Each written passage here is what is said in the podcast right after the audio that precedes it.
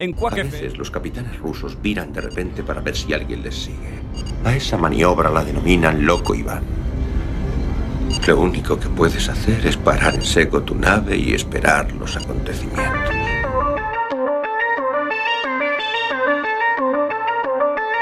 Yamasphere 347 of Space Patrol calling unidentified ship.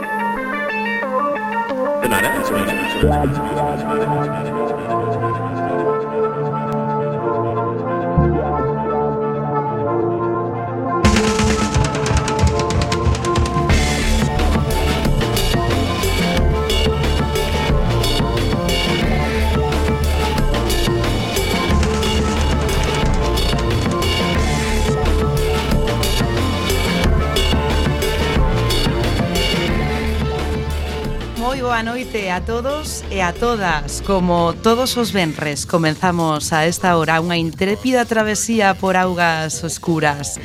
Non lle dean golpes ao transistor. Acaban de entrar no radar do submarino nuclear máis laureado da gloriosa Unión Soviética. Esta fría noite de xaneiro falaremos aqueles deuses multitentaculares aos que lle rendemos culto. Quizáis, cando deixemos de surcar os océanos, teñamos que comparecer ante Cron para preguntarlle polo segredo da Ceiro, Quizáis comparezamos ante o deus mariño dos filisteos Dagón ou, esperemos, ante o gran deus espagueti voador. Falaremos de todo isto ao longo desta hora de programa na que esperamos que se decidan abrazar unha das nosas novas propostas religiosas. Please stand back from the automated door and wait for the security officer to verify Como todos os venres, agarrando firme os mandos, está na sala de máquinas o señor Bugalov. Directamente chegado dende Siberia, coa maioría das extremidades conxeladas, ademais do nariz, o xefe de cociña Birnaren, o meu antigo segundo da bordo. Eh, hola, capitana, que tal? O oh, camarada Lamelov, moi pendente aínda hoxe das ordes da Stasi. Boa noite, camarada, sempre disposto a fusilar. E a tripulación desta noite que se completa coa camarada Nadia Konachova. Boa noite. E o tovarix Xes Boa noite. Saudamos a capitana esbletana Ibarruri. Isto é Loco Iván. Comezamos.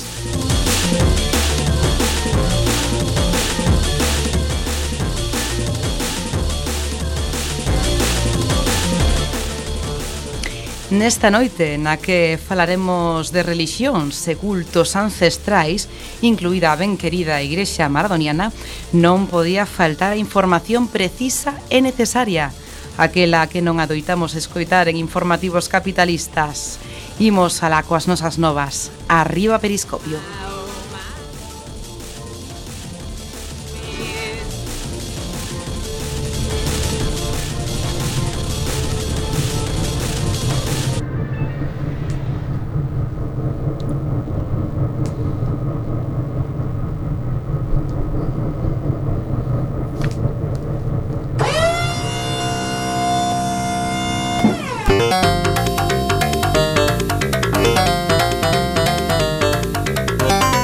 FM.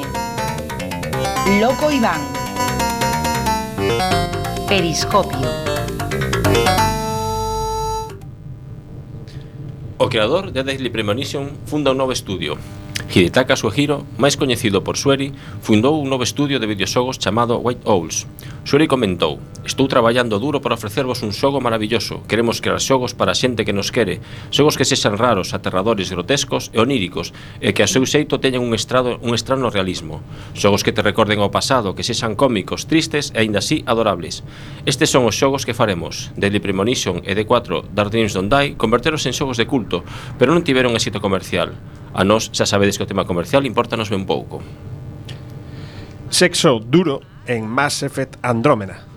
O sexo vende, e tal vez por iso o produtor Michael Gambon dixo que haberá moito sexo e de calidade entre as personaxes do xogo. Non sería de extrañar que o primeiro DLC sexa un consolador virtual.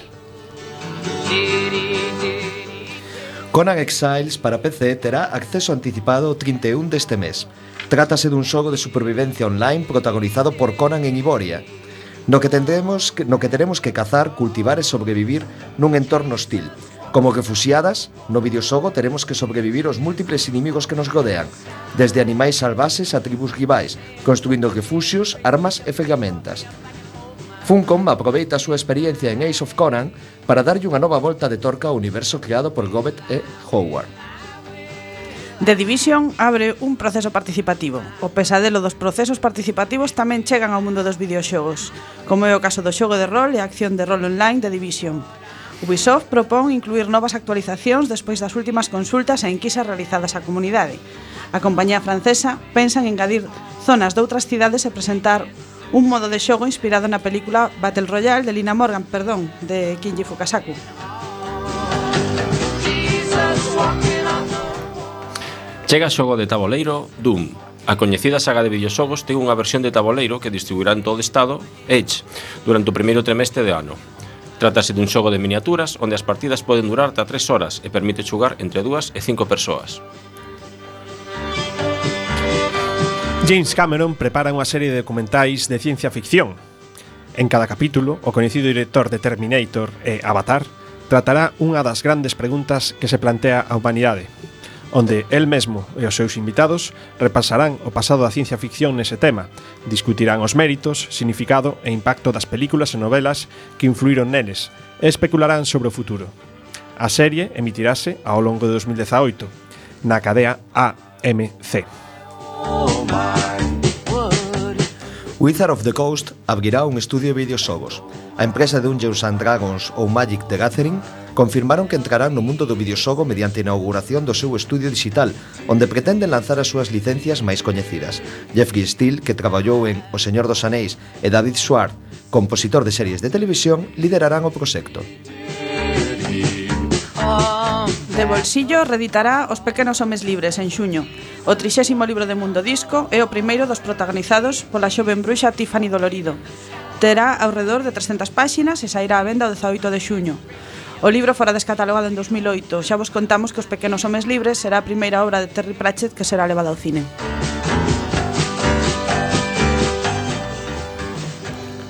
The Folio Society publica Eu Robot Ilustrado. Trátase dun libro ilustrado que contén nove relatos que sinalan a importancia das tres leis da robótica do universo de ciencia ficción de Isaac Asimov. A saber, un robot non fará dano a un ser humano ou por inacción permitirá que un ser humano sufra dano. Un robot debe obedecer as ordes dadas polos seres humanos, excepto se estas ordes entrasen en conflicto coa primeira lei. E un robot debe proteger a súa propia existencia na medida en que esta protección non entre en conflicto coa primeira ou a segunda lei. Para esta edición, o solo británico conta cunha introdución de Daniel H. Wilson, enxeneiro de robótica e tamén autor do recomendable libre, libro Robocalipse. Das ilustracións encárgase Alex Wells, mesturando arte tradicional e digital. Atención, paren as rotativas. Valve traballa nun novo xogo. Gabe Newell, o maior referente de Valve, respondeu ás preguntas da comunidade en Reddit, onde confirmou que están a traballar nun novo título, ambientado no universo de Half-Life e Portal nada menos.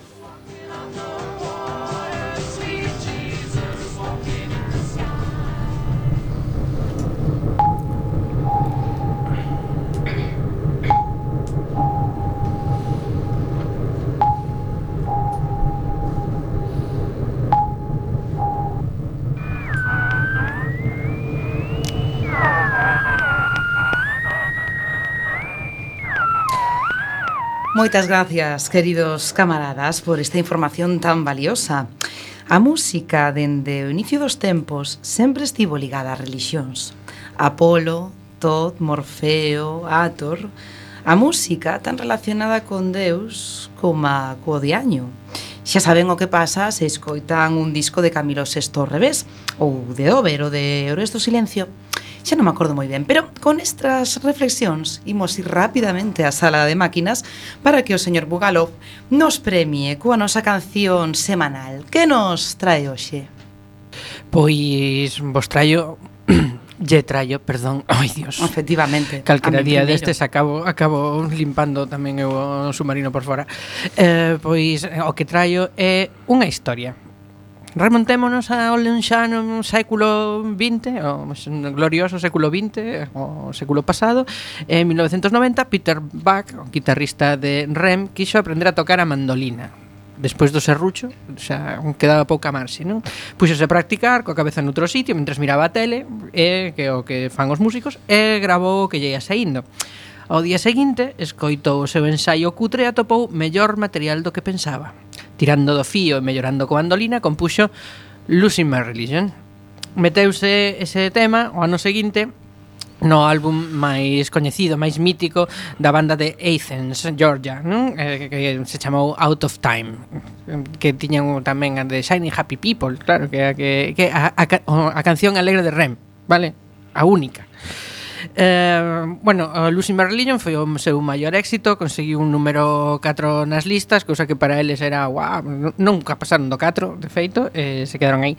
A letra é tan rara como todas as letras de Rem e aínda que moitas a leamos así non fala en realidade dunha religión. Lucy Religion é unha frase feita do sur dos Estados Unidos que significa perder os papéis ou poñerse en evidencia, pero como a toda boa canción cada quen pode interpretala como a queira. Neste submarino gustanos porque somos moi de perder os papéis, pero tamén de perder relixións. De feito, cada vez que nos despistamos, des, que nos despistamos marcha unha por escotilla xeralmente co seu usuario. Pero, ah, bueno, se vos deixo co tema que seguro que o lembrades.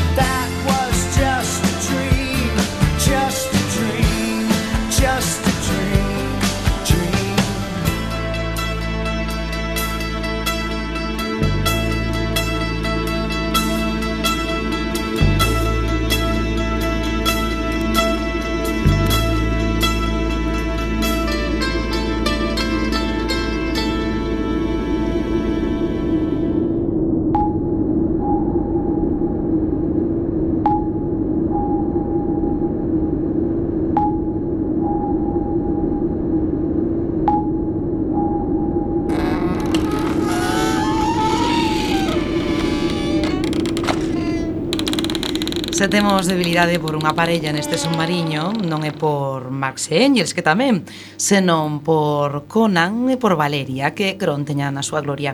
Por iso esta noite, na nosa gran biblioteca, decidimos que o noso relato semanal sexa un extracto dun escrito de Robert E. Howard.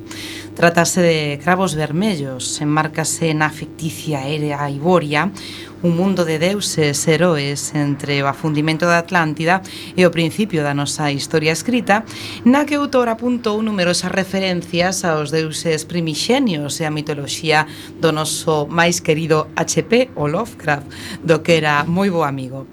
Foi este o primeiro relato de Conan en ser publicado póstumamente. Imos aló.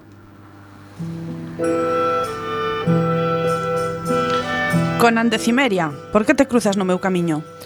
El sorriu brevemente e os seus ollos azuis ardían cun lume que me quedo sin batería. Pode seguir, por favor, alguén que me...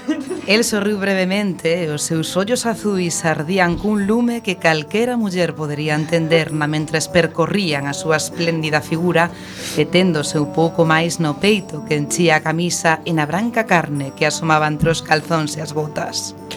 Non o sabes, Non deixei clara a miña admiración por ti dende a primeira vez que te vin? Un polro non tería sido menos sutil, pero non agardaba toparte tan lonxe dos barris de cervexa e os potes de carne de Sucmet. Realmente decidiche seguirme desde o campamento de Zarallo ou botáronche fora co látego por ladrón? El riu da súa insolencia, flexionando os seus poderosos bíceps. Ben sabes que non hai homes bastantes no campamento de Zarallo para sacarme a min a forza. Por suposto que te seguín, Foi unha sorte para ti, muller. Cando acoitelastes aquel oficial estisio, perdiches o dereito, favor e protección de Zarallo, e mudaches a túa situación pola dunha proscrita. Sei non, máis que podía facer, ben sabes por que foi. Claro, e se eu tives estado ali, eu mesmo terías faqueado. Pero bueno, se unha muller debe vivir nos campos de guerra dos homes, xa sabe o que pode esperar. Valeria pateou o chan e xurou. E por que os homes non me deixades vivir a miña vida, unha vida de home? Iso é obvio. Novamente os seus ollos ansiosos devoraron a rapaza. Mais fixeches ben en fuxir. Os estixios terían tesfolado. O irmán do oficial seguinte, sen dúbida máis rápido do que agardabas, non estaba lonxe de ti cando lle din alcance. O seu cabalo era mellor co teu teríate collido e tería cortado a túa gorsa nunhas millas máis. E ben? Ben que? Que hai desestixio? E ti que pensas? Mateino, por suposto, e deixei o seu do esposo para os boitres. Iso retrasoume. Casi perdín o teu rastro cando cruzaches polas agullas rocosas dos outeiros. Doutro modo teríate collido fai moito tempo. E agora, pensas levarme ao campamento de Zarallo? Non digas parvadas, nena. Ven aquí, non sesas tan brava. Eu non son como ese estixio que esfaqueaches. Non, de certo, ti és un vagabundo morto de fame. E como te chamaches a ti mesma? Non tes cartos de abondo, nin para enmendar o cucos dos calzóns. O teu desprezo non me engana. Queimei navíos meirandes e matei máis homes do que ti fixeches na túa vida. Que pirata non estás en cartos a maior parte do tempo? Teño gastado ouro dabondo en todos os portos do mundo como para encher un galeón, ben o sabes. E onde están agora eses vos barcos, esos bravos que mandabas, bárbaro? No fondo do mar, na súa maioría. Os cíngaros afundiron o meu último barco na costa semita, e por iso me unín aos compañeiros libres de Zarallo. Pero vin que me troblearan cando marchamos a fronteira de Daafar. A paga era pobre e o viño amargo, e ademais non me gustan as negras. E esa foi a única clase de mulleres que viu o noso campamento de Sukmet, con pendentes no nariz e os dentes afiados. Bah, e ti, como chegaches alí? O campamento de Zarallo está moi lonxe da auga salgada. Rezorto queríame convencer converter na súa amante, así que saltei pola borda unha noite e nadei a terra cando fondeamos na costa de Cush. Foi perto de Zabela, Había un comerciante semita que me comentou que Zarallo levara os seus compañeiros libres ao sur, cara a fronteira de Darfar. Non había nada mellor. Unime a caravana e rematei en Sukmet. Foi unha tolemia fuxir cara ao sur como a fixeches. Inda que, por outra parte, fuches sabia. As patrullas de Zarallo nunca pensaron en buscarte nesa dirección.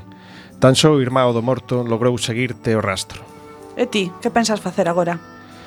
Ir cara a oeste. Teño estado outras veces tan lonxe ao sur mas nunca tan lonxe ao oeste. Moitos días de viaxe cara ao oeste levarannos á sabana, onde as tribus negras pastan o seu gando. Teño amigos entre eles. Chegaremos á costa e atoparemos un barco. Estou farto de tanta selva. Vai indo logo que eu teño outros plans. Non sesas parva. Non podes seguir vagando soa por este mato. Podo, se así o decido. E que pensas facer? Iso non é asunto teu. Sí que o é. Pensas que che seguín o rastro para dar media volta e voltar de Baleiro. Se lista, rapaza, non te vou mancar. Conan achegouse e ela botouse cara atrás, sacando a espada. Quieto aí, can bárbaro, ou espétache como se foses un leitón. Queres que che quites ese xoguete teu? E tazoute con el? Ja, palabras, so palabras. El sabía que dicía a verdade. Ningún home vivo podería desarmar a Valeria de Remandade Vermella coas súas mans. Conan engurrou o cello con emocións encontradas. Estaba enfadado, pero tamén cheo de admiración pola vontade da moza. Ardía en desexos de tomar aquela figura... Perdón, non.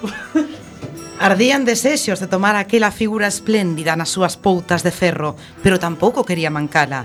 Debatíase entre a gaña de zarandeala e de agarimala, mais sabía que se achegaba máis, atoparía esa espada fundida no medio do seu corazón.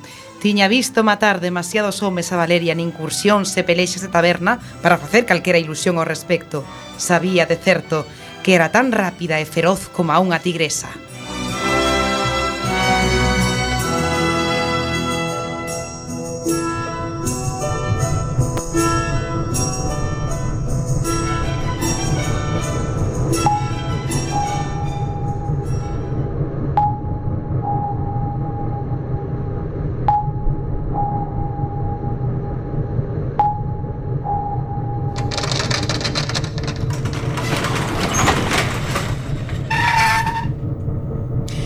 xa estamos de volta despois de algúns pequenos problemiñas ben solventados como a todo no que se fai, ou como a todo que se fai neste submarino, vamos coa nosa entrevista, vamos a abrir a escotilla. Falábamos ao inicio do programa que quizáis eh, deberíamos render contas ante os deuses ou abandonar o noso submarino nucelar. Nalgún momento haberá que pensar nesa opción, pero eso será cando a capitana, cando eu decida ante quen, como e cando comparecer. Pero mm, debemos coñecer, mentres tanto, algunha das deidades máis míticas eternas que poidamos lembrar. Hoxe abrimos a nosa escotilla para coñecer e abrazar, quen sabe, o pastafarismo para que vos axeonlledes, querida tripulación, ante o deus espaguetioador, tamén coñecido como Monesbol. Birnaren, xa lleves as intencións que sepa que o espaguetioador non se cociña. Mm, mm seguro que non. Bueno, pois para aprofundar no pastafarismo eh, falaremos nin máis nin menos con un dos seus representantes eh, na terra, no Estado español, que é exactamente Javier Casares. Moi buenas noches, Javier. Hola. Hola creo que temos algún tipo de, de problema, pero bueno, imos ir falando, mentres tanto, mentres retomamos a conexión, eh, un pouco sobre esta religión que ten problemas para ser adoptada ou para ser identificada como unha religión oficial no Estado español, que é precisamente o pastafarismo hai xa tempo que eh, veñen solicitando efectivamente os pastafaristas. Ai, xa temos, xa temos a conexión, Javier. Boa noite. Hola. Bueno, pois non temos a conexión mentres o amigo Podes Ugalov, preguntarme a min que eu tamén sei bastante de pastafarismo. Ti crees? Sí. Bueno, pois que nos podes dicir do pastafarismo? A ver, Birnaren, xa que estás tan enterado. Bueno. Espera, non, non fales, Como non? porque creo que xa temos a entrevista. Pero Eh, Javier, muy buenas noches. Hola, buenas noches. Hola, que teníamos aquí un pequeño un pequeño problema, no, Sin no problema. conseguíamos hablar contigo. Eh, eres uno de los representantes, vamos a decir, de, de la Iglesia Pastafarista en, Sí. el, en el Estado. Eh, no sé si a lo mejor no has podido nunca escuchar nuestro programa, pero nosotros Eh, sur- no. surcamos los mares, te lo contamos enseguida, por un submarino. Eh, Y hemos leído, por cierto, no sé dónde es donde habéis encontrado vuestros feligreses o vuestros correligionarios más raros, porque el, el corsario es, es el pueblo elegido para, para, ser, pasta- para ser un pastafarista de, de ley. Eh, sí, bueno, a ver, eh, uno de los, o los representantes, digamos, en, en la tierra de, de Monesbol, de, nuestro dios del espagueti volador, eh, son los piratas, precisamente porque, bueno, hay una teoría que dice que el calentamiento global cuando estaban los piratas no existía y ahora que no hay piratas, pues eh, ha subido la temperatura en, en la tierra y en los mares. Y eso ah, seguramente sea por eso. Yo estoy con vosotros. Eh, el pastafarismo es una religión, eh, mm, corrígeme si me equivoco, que nace un poco contra, contra, como una contrapropuesta, una concepción creacionista, ¿no? ¿Podrías explicarnos un poco cómo es, cuándo nace y cómo es su difusión, creo, desde los Estados Unidos, ¿no? Que es donde Ujú. desde mal día para los Estados Unidos hoy, pero eh, fue un buen día cuando nació el pastafarismo.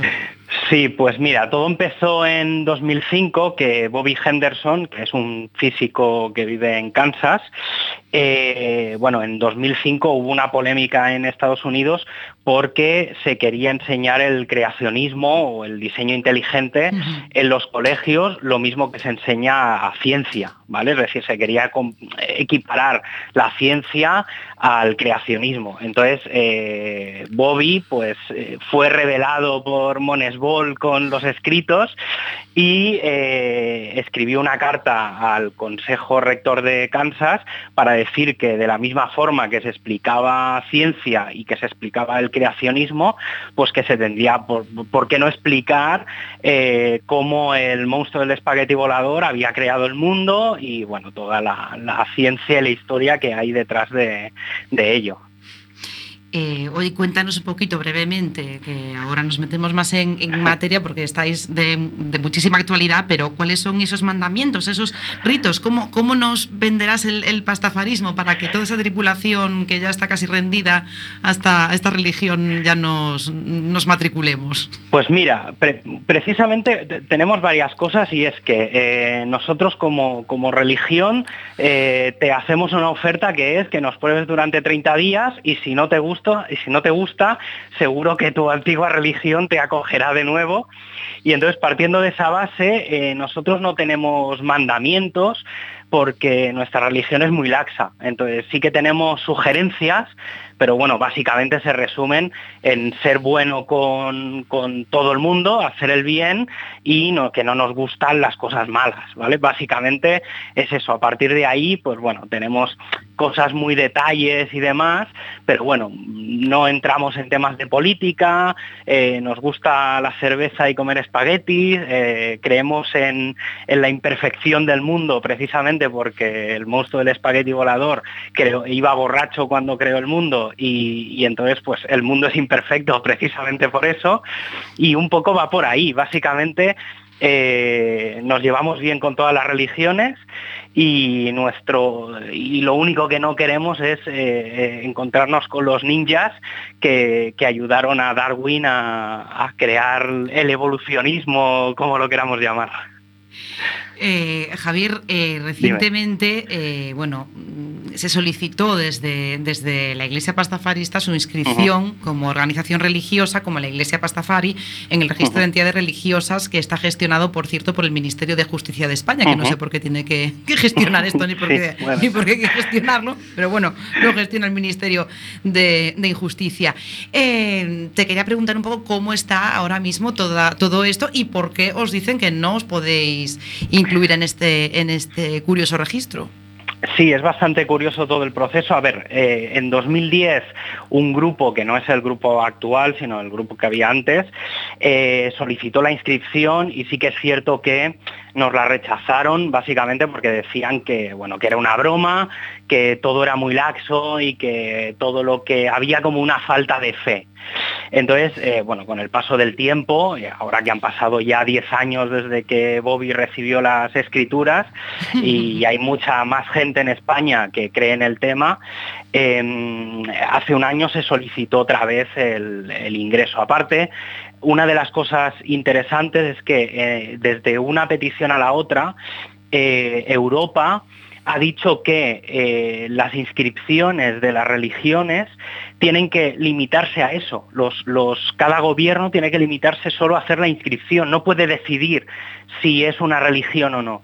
Y el problema que hemos tenido esta última vez, que ahora estamos recurriendo, que dentro de nada, en dos semanas, acabaremos de hacer todo el papeleo, es que eh, el Ministerio de Justicia nos ha dicho que cumplimos absolutamente todos los requisitos para ser una religión en España y para inscribirnos, pero nos dicen que somos una broma y que no, que no es, que no, que no hay fondo dentro de, de la religión. Y básicamente se están ellos llevando la contraria con lo que Europa está diciendo, que ellos no tienen por qué decidir si somos una religión o no, o porque somos una religión muy laxa y que nos tomamos las cosas con mucha filosofía, pues que, que no, que como no somos serios no podemos ser una religión. Y bueno, nadie, no sé, eh, por ejemplo, en España hay una religión que adora a Odín, que, que es el padre de Thor, ¿vale? Del- el, el que sale en las películas de Marvel, ¿vale? Entonces, mm, no tiene mucho sentido que, que algo así, eh, o, o que la creencia, por ejemplo, la religión con, con Wicca, con las brujas y demás, sí que está aceptado, pero mm, lo nuestro no. Pues bueno, pues ahí es donde estamos luchando ahora un poco para ver eh, ese punto de por qué nos dicen que sí, que, que eh, entramos dentro de todo, pero que eh, ellos consideran que somos una, una broma cuando realmente hay mucha gente que se lo está tomando, a ver, eh, lógicamente de forma muy natural, pero nos lo estamos tomando en serio, si no, no haríamos lo que estamos haciendo. Efectivamente. A ver, quería preguntar también yo un- una preguntilla. Eh, soy el camarada Lamelov. Vamos a ver, ¿vosotros realmente lo hacéis esto como una forma de protesta para indicar pues lo ridículo que es ¿no? que el Estado tenga que estar tomando partido con determinadas religiones o lo que queréis es no pagar el IBI? mira, pues mira, casi te diría que por los segundos seguro que no, porque una de las cosas que, que como religión, digamos, tenemos es que no tenemos por qué tener iglesias físicas o, o lugares de culto físicos, porque en realidad en cualquier sitio que se pueda beber cerveza o se pueda comer pasta, eh, ya nos sirve, digamos, como punto de, de reunión. Entonces, cualquier bar eh, del país nos serviría como, como punto de, de encuentro. Sí que es cierto que, que hay un punto eh, de absurdo de que hay otras religiones pues que, que tienen ciertos beneficios y, hay un punto de lucha contra eso, porque sí que es cierto que, que- que no tiene sentido, pero aparte, ya digo, ¿eh? hace cinco, hace siete años se comenzó un proceso y ahora lo hemos retomado porque realmente eh, la gente un poco que estamos llevando este tema más legal o más eh, con el ministerio, eh, nos lo tomamos en serio. O sea, es una cosa que, que ayer, por ejemplo, un compañero mío del trabajo me decía, oye, que he leído de lo tuyo. y decía, ¿qué, qué es, qué es de lo mío? No, que no os han inscrito en el ministerio. Digo, sí, sí, digo, estamos trabajando en ello. Digo, ahí vamos trabajando, es duro porque hay abogados y no, es un proceso sencillo, tiene costes, hemos hecho eh, mecenajes para que la gente hiciera donaciones y pues bueno pues estamos consiguiendo dinero o sea que no que no es una cosa que sea de cuatro locos sino que hay mucha gente detrás que está poniendo su dinero o sea que, que la Eso cosa va en serio Te queríamos preguntar, eh, Javier, exactamente. Quiero decir, esto no es un proceso de coña, ya vamos a hablar No, así, no. cuando ya estamos eh, recurriendo, cuando ya estamos en temas judiciales, todo esto, explícanos un poco ese proceso de, de crowdfunding que si lo habéis conseguido es porque efectivamente no sé si realmente es gente que va a acabar siendo pastafarista, pero que por lo menos entiende o apoya eh, que, que no se produzca al final una incongruencia, ¿no? Como es que, Mm. se, que se apoye o que se, o que se diga que una religión vale y, y otra no. Claro, el tema es que para, como es un tema contra el Ministerio de Justicia, en realidad lo que estamos haciendo, o sea, en realidad estamos poniendo, no, no, una, no una denuncia, pero sí que estamos contestando un proceso que, va a unas instancias que no son habituales de lo que podría ser cualquier persona. Entonces, ahora tenemos que ir con abogados al- a la Audiencia Nacional.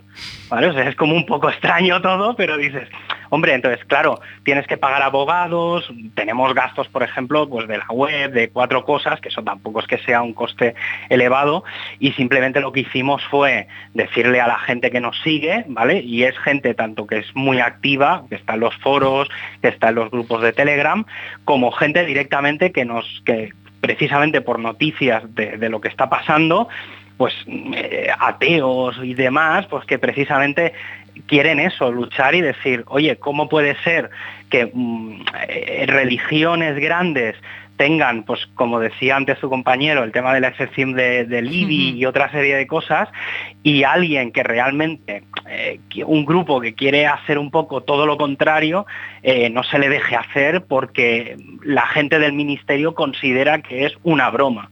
Bueno, pues no, no vamos en broma, esto va en serio y bueno, pues ahí estamos. Ahora yo, por ejemplo, estas últimas semanas eh, hemos lanzado una web que es pastafarismo.es en la que estamos documentando absolutamente todo lo relacionado con la religión. ¿Vale? Entonces están todas las Sagradas Escrituras, que son dos libros, que están públicos en castellano, eh, hemos recogido noticias históricas, hemos puesto enlaces a todas las webs de todas las religiones que hay por, por el mundo, por ejemplo, en Holanda, eh, bueno, en Países Bajos, a principios del año pasado eh, se aceptó como religión.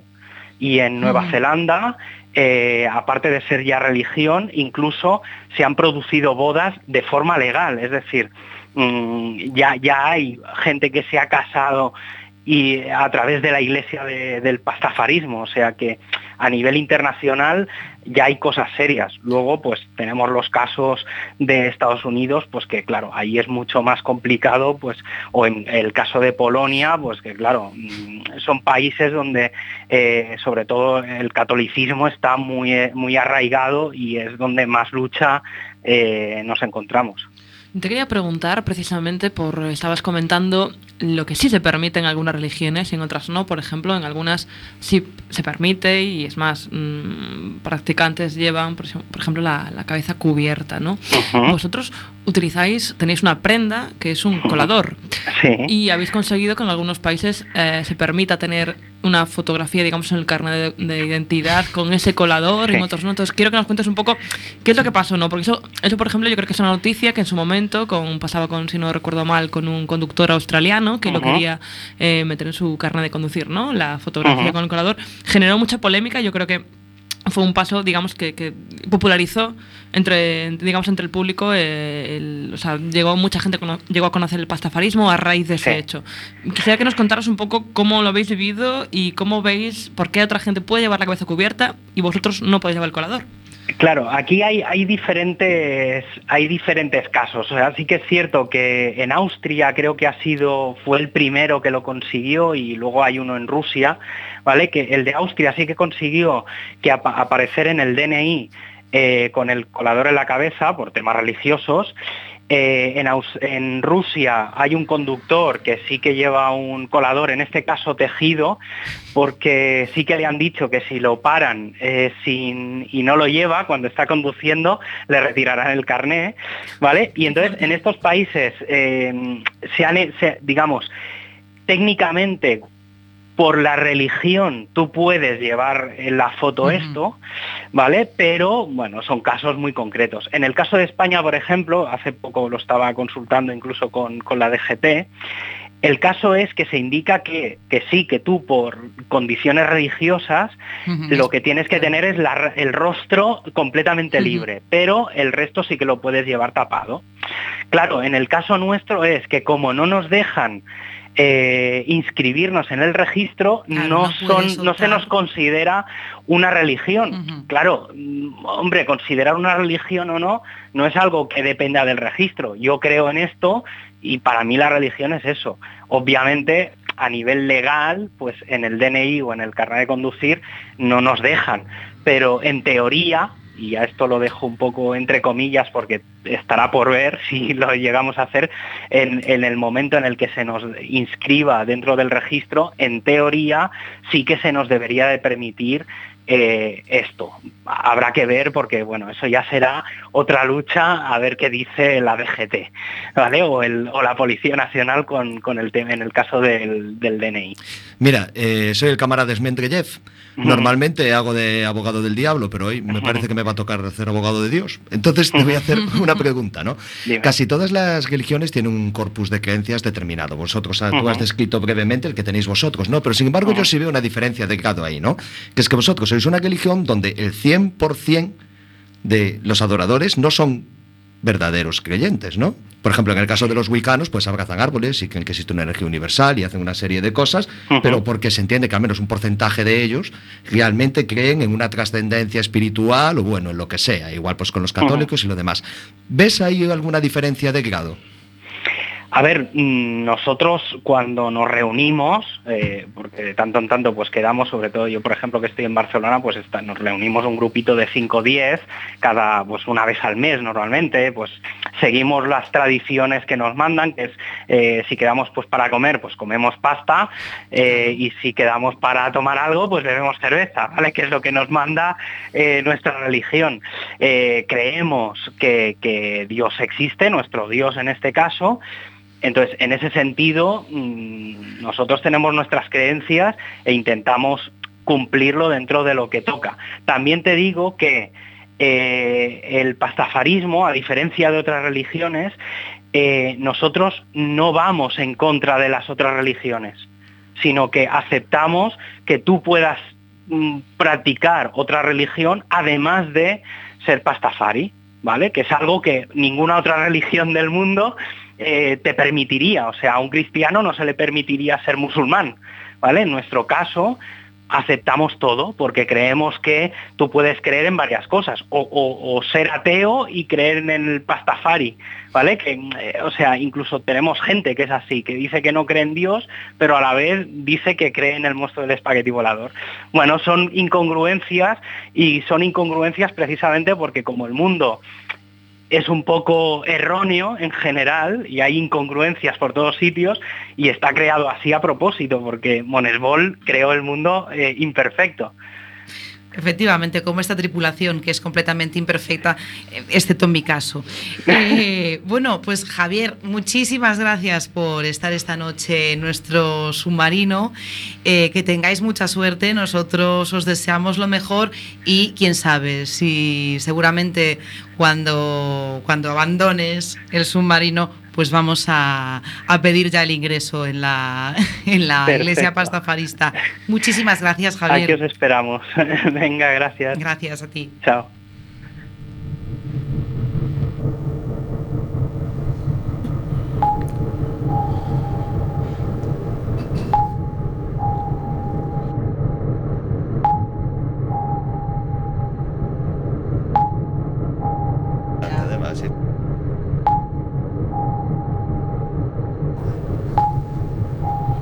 efectivamente estábamos no aire.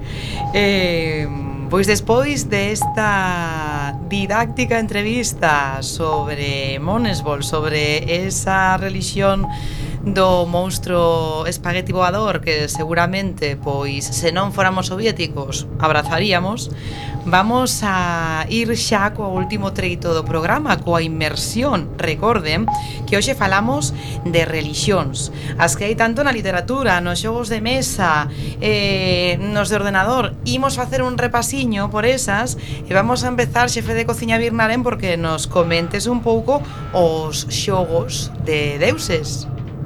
Sí, por, por aquí estamos. Eh, algo moi indicado para, para este para hoxe, non? Para o tema que nos trae, pois é eh, pois un famoso xogo, sabe, fai uns cantos anos, o Populus. É un xogo de deuses, literalmente. En Populus, o xogador asume o rol dunha deidade e debe dirixir o seu povo con intervencións divinas, co objetivo de aumentar fieis e destruir aos fieis de outros deuses. Bueno, a historia típica das religións. Eh, moitas de nós eh, sentimos con este xogo que iso de ser Deus, que tanto parecía que molaba, na realidade non era tan sinxelo. O xogo bebe da xa coñecida estrategia en construción de construción en tempo real, cunha serie de accións divinas puntuais que se concretaban en provocar certos desastres eh, máis ou menos naturais, non os provocábamos nós, moi naturais non eran. Eh, privilexio xa coñecido dos deuses deses comenzos dos tempos. Este xogo presentaba moitas novidades técnicas como o nacemento da perspectiva isométrica para os xogos de estrategia e un modo multixogador multiplataforma, que hoxe en día é raro o xogo que non o teña, pero daquela era todo un avance. O Populus tivo dúas secuelas, Populus 2, Trials of the Olympian, Gods, e de dinámica similar ao original e Populus The Beginning, na que, en vez de poñernos na pel dun deus, fomos un pouco máis atrás e somos un chamán que aspira a ser deus. E seguimos falando de deuses xa non do mundo cibernético senón de outros que nos trae o camaradas Mendrellev Bueno, calquera que desfrutase da saga de Conan, pois coñece o peso que teñen as diversas lesións neste universo, non? En aqueles tempos nos que os océanos tragaron Atlantis e se alzaron os fillos de Arias, pois había moitos deuses, nesa, nesa terra. Tal vez o máis famoso des el des esa, esa Chrome, non? Que sempre nos lembramos del cando pensamos na película. Non sei se lembrades o monólogo que lle fai o pai a Conan nun momento dado da, da película, non? Que viña dicindo, antes os gigantes vivían na terra, e na oscuridade do caos enganaron a Kron e arrebataron o enigma do aceiro. Kron irritouse e a terra tremeu.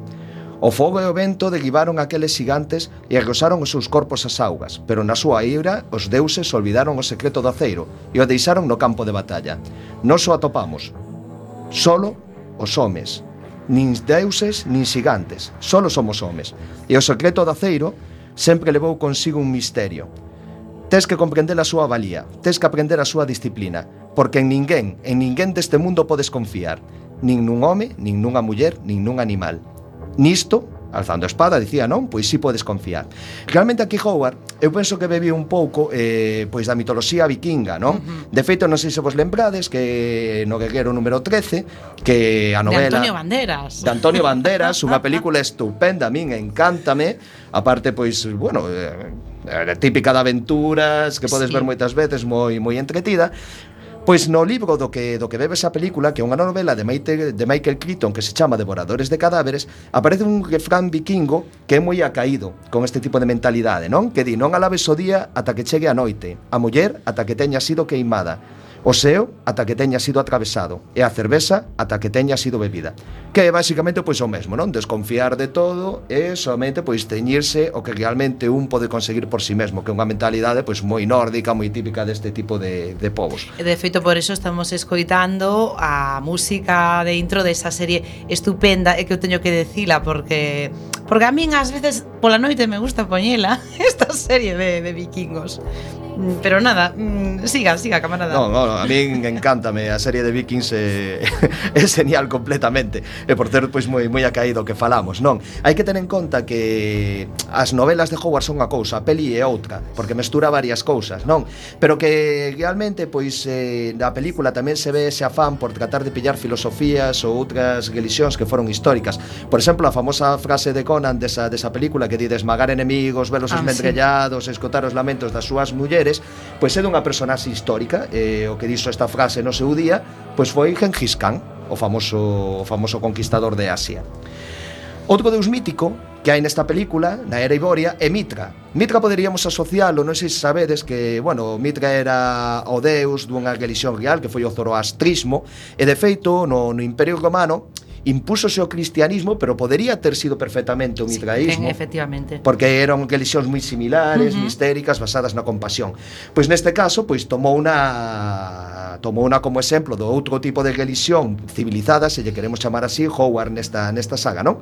E Valeria, a compañeira de Conan, de que vimos no, no conto de, de Clavos Vermellos, cita este deus pedindo a súa protección en varias en varias ocasións, non? Entón, pois podes entender que Valeria é adoradora deste outro deus está dicindo que que nos centremos no no micro eh, que vostedes eh, o escoitan, non o ven, pero está o, o, o xefe de máquinas Mugalov eh, pois a facendo así unha especie de, de baile sensual, pero non é por nada, máis que por dicirnos que acheguemos a boca ao micro. Eh, nada, pois achegaremos logo, achegaremos. E por último, pois nada, falar do último do triunvirato de deuses deste, deste mundo imaginario, non? De Set, o deus Serpo da héroe Iboria, que é adorado polos feiticeiros estixios e que é un ávido devorador de sangue de sangue humana sacrificada. Eh, como anécdota, contar que o seu sacerdote eh, nas películas, nas, na película de Schwarzenegger, na clásica de 1982, que Tulsa Doom, eh, sen embargo nas novelas chamábase Totamon, pero polo demais o personaxe é indistinguible, eh, Tulsa Doom é un nome así como máis efectista, e realmente é de outro personaxe das, das sagas de Robert Howard, que era cool o conquistador. E bueno, nada máis, simplemente como unha última cousa que aumentar hai unha escena que a mí me gusta moito da película, en que hai unha discusión entre Subotai e Conan por cal dos deuses é máis poderosos, non? Entón, pois están aí discutindo, Conan di, Conan é o máis forte da súa montaña, Subotai di, eu adoro os capoventos que pasan por enriba da montaña e son mellores que o teu deus, e claro, ante esa dialéctica, pois o pouco que xo pon a súa cara de, vaya, perdín, perdín a, a discusión, non? E nada máis, como anécdota comentar que este que discute con el, Subotai, o seu compañeiro, tamén é un nome tomado histórico porque foi un dos xenerais de Genghis Khan na súa invasión de Asia. Pois canta información nos trae todos os venres o camarada Esmendrellev que precisamente por iso podería ser o meu segundo de abordo unha, despois de que o camarada Birnaren eh, iniciara un, un proceso horrible, proceso de motín contra min, pero non vai ser así tampouco. Eu Non podo, é eh, a miña debilidade, Bernaren. Eh, ás 10 e 51 minutos seguimos con máis sagas religiosas tamén eh, co camarada Lamelov que nos trae. Pois eu quería falar de, bueno, da religión dentro dun dos videoxogos meus, bueno, máis eh, que máis me gustan, que é a saga de videoxogos Thief, non? que saiu en ordenador e logo máis adiante tamén en, en consola, non? que bueno, eh, ten como protagonista un ladrón eh, moi intelixente e eh, que utiliza moitísimas habilidades e sobre todo habilidade para pasar desapercibido. Pero non quero falar en sí do, do videoxogo, senón das religións que, que contén, non? porque ten bastantes, bueno, bastantes eh, faccións e eh, seccións dentro de dentro dese xogo. Those crazy hammers.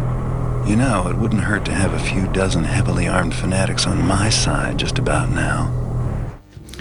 Pois eso que falaba, bueno, falaban de la propia voz de Garrett, pero falando dos, dos Crazy Hammers, Hammerits, que é a religión da orden do, do martelo, que era unha religión que está ambientada no, bueno, no, digamos no na tecnoloxía que, que, que se desenvolve no, no videoxogo, tipo steampunk, sabedes, pois engranaxes, uh -huh. eh, eh, carbón, eh, bueno, manecillas así eh, de reloxo moi moi estratosféricas, e que eles defenden pois que hai un gran constructor eh, que chaman, bueno, de builder, de, de constructor, que é o arquitecto do, do universo.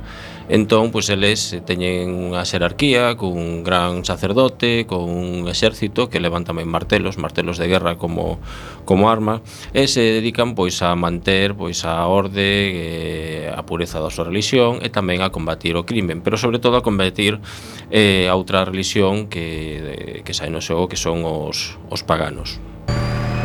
Let thy furnace be fueled. Let thy buildings be O discurso de, de Trump este. Sí, máis ou menos. Foes be vanquished. And all thine endeavors be a blessing unto thee.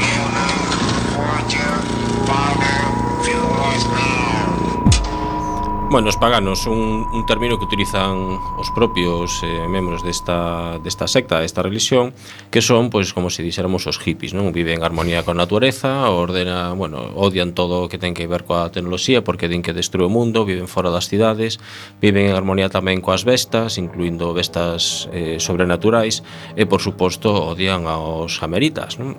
E teñen un, un líder que, bueno, que se chama calas que, digamos, eh, bueno, un dos perdón, non é o líder dese, é un, un, un dos dos seus inimigos máis odiados porque eh, o líder da, da secta dos, dos mecanistas, nos que tamén eh, bueno, pues hai esos, esos enfrontamentos porque defenden a, a tecnoloxía. Eh, falan unha linguaxe así moi estrana porque acabado en IES, ¿no? que en inglés pues, é un pouco un pouco estrano e sobre todo, pois eso dá unha ambientación un poquito máis máis especial a, ao xogo. Let thy furnace be fueled. Let thy buildings be sound. E por último, os mecanistas, que era unha, unha escisión eh, da orde, eh, da orde do Martelo eh, pertencían antes a esa orde logo abandonaron unha especie de luteranos a novos que comenzaron a mostrar desprezo por las, por las doctrinas da orde cando veron que as innovacións tecnolóxicas deberían estar por enriba de todo o demais. Aí sí que tiñan un dirixente que era Carras que era un pois un psicópata que ten un certo protagonismo no, no xogo, sobre todo xa eh, pois bueno, pois de cara ao final. E agora, con esta música de vikingos, eh, como xa estamos case para irnos, Birnaren, díganos unha recomendación que nos dicía antes dunha serie que non se pare... que é como vikingos, pero menos, menos coñecida. Pois sí, existe outra serie de vikingos, non? Que se chama The Last Kingdom, que é unha serie inglesa da BBC Que, bueno, que o protagonista, eh, en vez de ser un vikingo, pois é un neno secuestrado polos vikingos Que, que bueno, que adopta a súa cultura porque vive, vive con eles Pois aí quedamos, con eso Volvemos a semana que ven neste submarino que seguirá surcando augas escuras coa súa compañía, por suposto. Moitas grazas, teñan boa noite.